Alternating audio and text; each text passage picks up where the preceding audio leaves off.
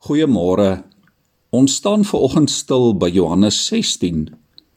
Jesus praat hier baie ernstig met sy disippels onder andere oor die konsekwensies van sy dood en dat hy van hulle af weggaan. En hy spel ook vir hulle uit wat die implikasies en die gevolge is van hulle verhouding met hom. Herhaaldelik verduidelik Jesus dit vir hulle, maar hulle dit nie verstaan nie. En ons kan nogal dink hoe moeilik dit vir hulle was om die toekoms, hulle toekoms en ook die toekoms van die kerk te sien. Jesus verwys onder andere na die lyding wat die gelowiges sou verduur. Dat hulle uit die sinagoges geban sou word. Dat hulle godsdienstig en sosiaal uit die Jodendom uitgesny sou word. Dit was een van die ergste strawwe destyds. Jou volksidentiteit is van jou weggevat. Volgelinge van Jesus is voelvry verklaar. Om 'n Christen dood te maak was 'n prestasie.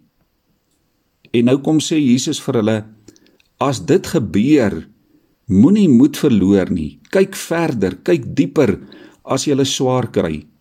Moenie dan dink God het julle vergeet nie. Moenie dink God se plan het ontspoor of dat iets verkeerd geloop het nie. In vers 20 sê Jesus vir hulle: Julle sal bedroef word, maar julle droefheid sal in blydskap verander. Kom ons dink 'n bietjie vanmôre oor droefheid en oor blydskap. Droefheid, liewe vriende, laat 'n mens baie vrae vra. Vra soos hoekom, waarom, wat nou, waarna toe, wat gaan van ons word? Hoe gaan ons regkom? Hoe gaan ons oorleef ensovoorts. Maar blydskap laat 'n mens nooit vra vra nie. Blydskap is 'n blessing, dis 'n seëning. En daar's altyd 'n positiewe en 'n goeie rede vir blydskap. En as Jesus vir sy volgelinge en ook vir jou en vir my sê, julle droefheid sal in blydskap verander, dan bedoel hy al ons waaroms, ons hoekoms, ons onsekerhede, ons hartseer sal in hom antwoorde kry. Ja, die Here is self ons antwoord. Dit is die rede vir ons blydskap en vir die sin van ons lewe. Vers 22 sê: Julle is nou bedroef, maar as ek julle weer sien, sal julle harte vol blydskap wees en niemand kan julle blydskap van julle af wegneem nie. Daardie dag sal julle nie meer vra aan my stel nie. Met Jesus se opstanding uit die dood het hulle blydskap volkome geword. Het hierdie blydskap vir sy volgelinge, vir jou en vir my waar geword. Ons vra nie meer vra nie. Christus se oorwinning is ons antwoord. Hoor wat sê die Here in vers 33.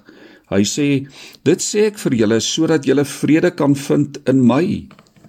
In hierdie wêreld sal julle dit moeilik hê, maar hou goeie moed, want ek het die wêreld klaar oorwin." Kom ons bid saam. Here, dankie vir u oorwinning aan die kruis en dat dit ons antwoord is op al die vrae in ons harte.